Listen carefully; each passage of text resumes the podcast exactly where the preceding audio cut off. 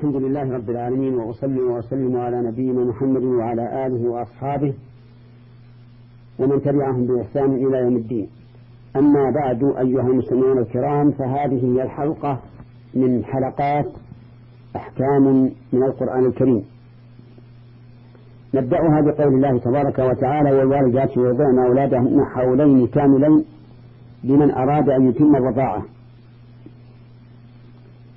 فهذا خبر من الله تبارك وتعالى ولكنه بمعنى الأمر أن الوالدات يرضعن أولادهن والأولاد تشمل الذكور والإناث. كما قال الله تعالى يوصيكم الله في أولادكم للذكر مثل حظ الأنثيين فدل هذا على أن كلمة أولاد يعني الذكور والإناث من البنين والبنات.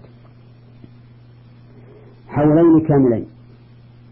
والمراد بالحولين حولين هلاليين لأن التوقيت الشرعي إنما يكون بالأهلة لقول الله تبارك وتعالى ويسألونك عن الأهلة قل هي مواقيت للناس والحج.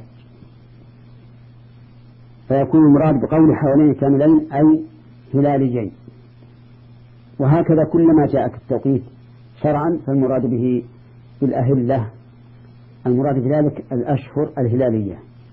وكما في قوله تعالى فصيام شهرين متتابعين المراد بالشهرين الأشهر الهلالية. وكما في قوله تعالى واللائي يئسن من المحيط من نسائكم إن ارتبتم فعدتهن ثلاثة أشهر المراد الأشهر الهلالية. وقول كاملين أي غير ناقصين. والكمال هنا يكون في العدد ويكون في الصفة.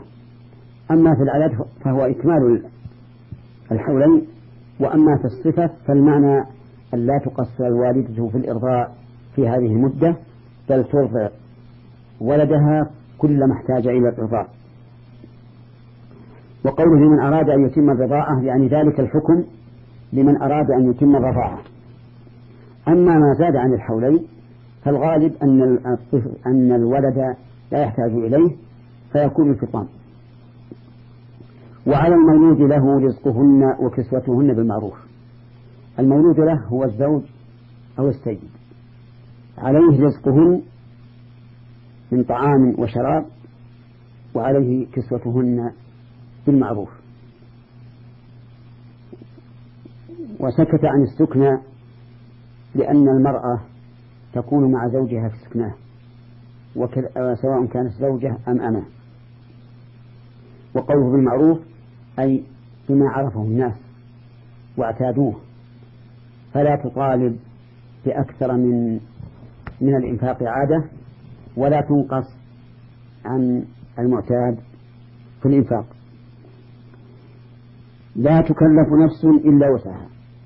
أي أن الله تعالى لا يلزم أحدا بشيء إلا بقدر طاقته.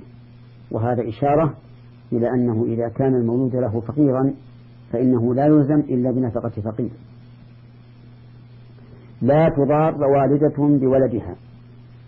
تضار صيغة صيغة فعل مضارع يصح أن يكون مبنيا للفاعل ويصح أن يكون مبنيا لما لم يسمى فاعله.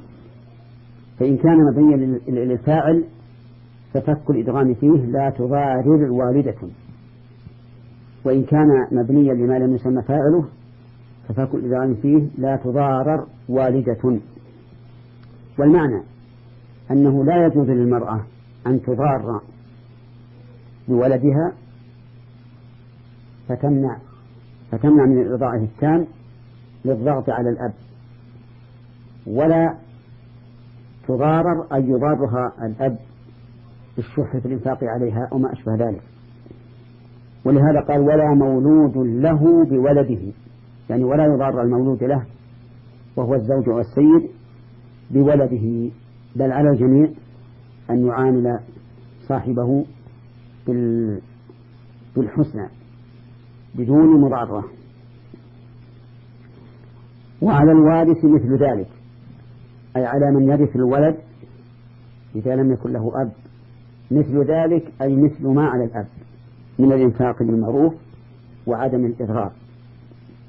ولهذا قال العلماء رحمهم الله إن النفقة واجبة على كل قريب يرث قريبه إذا كان الوارث غنيا وكان الموروث فقيرا. لقوله على الوارث مثل ذلك. فإن أرادا فصالا أي أراد الأبوان الأم والأب فصالا أي فصل الولد عن الرضاع عن تراض منهما وتشاور فلا جناح عليهما. يعني أراد فصالا صادرا عن تراض منهما أي أن الأب رضي بفضل الطفل والأم رضيت بذلك وتشاور أي مراجعة فيما بينهما. فلا في التراضي لأنهما قد قد يتراضيان على ما فيه ضرر الرضيع. فلا بد من تشاور ولا بد من تراضي فلا جناح عليهما.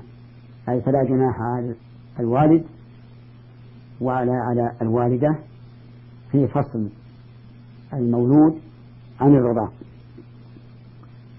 وإن أردتم أن تسترضعوا أولادكم الخطاب هنا للأزواج أو الأسياد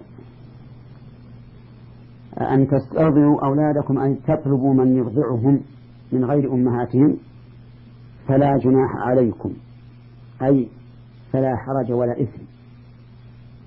وهذا فيما إذا امتنع الإرضاع من الأم إما لقلة اللبن وإلا لمرض أصابها أو لسبب من الأسباب. أما إذا كانت الأم على استعداد لإرضاعه فإنه لا يعدل إلى غيرها بدلا عنها. إذا سلمتم ما آتيتم بالمعروف.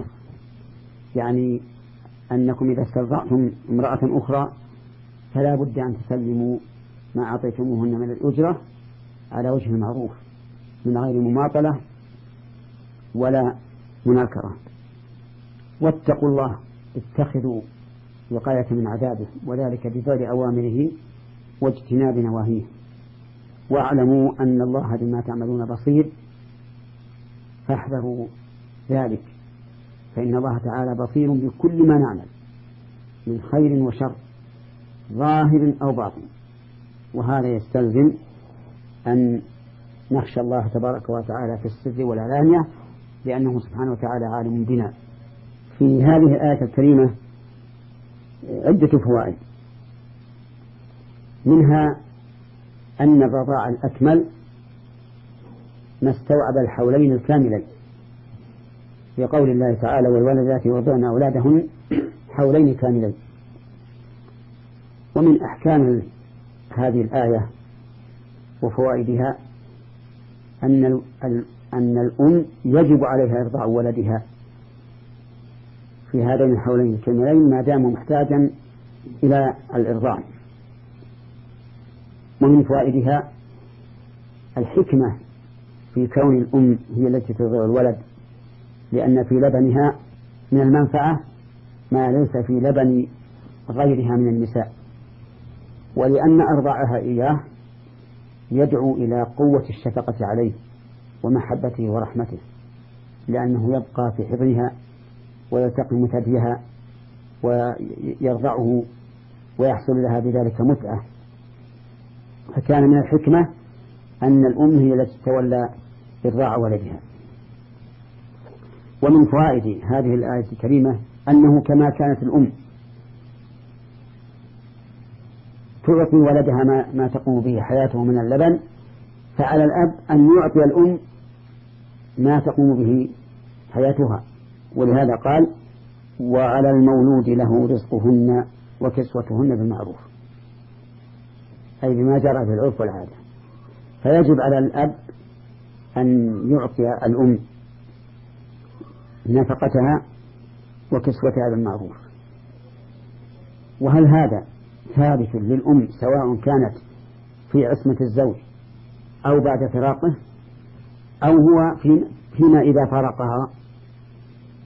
الصواب أنه فيما في حال في حال كونها في عصمته وبعد فراقه. لكن إذا كانت في عصمته اكتفي بالإنفاق عليها باسم الزوجية عن الإنفاق عليها عوضا عن الرضاع وإذا كانت خارج عصمته فلها الإنفاق على المولود له من أجل الإرضاع وإلى حلقة قادمة إن شاء الله. والسلام عليكم ورحمة الله وبركاته.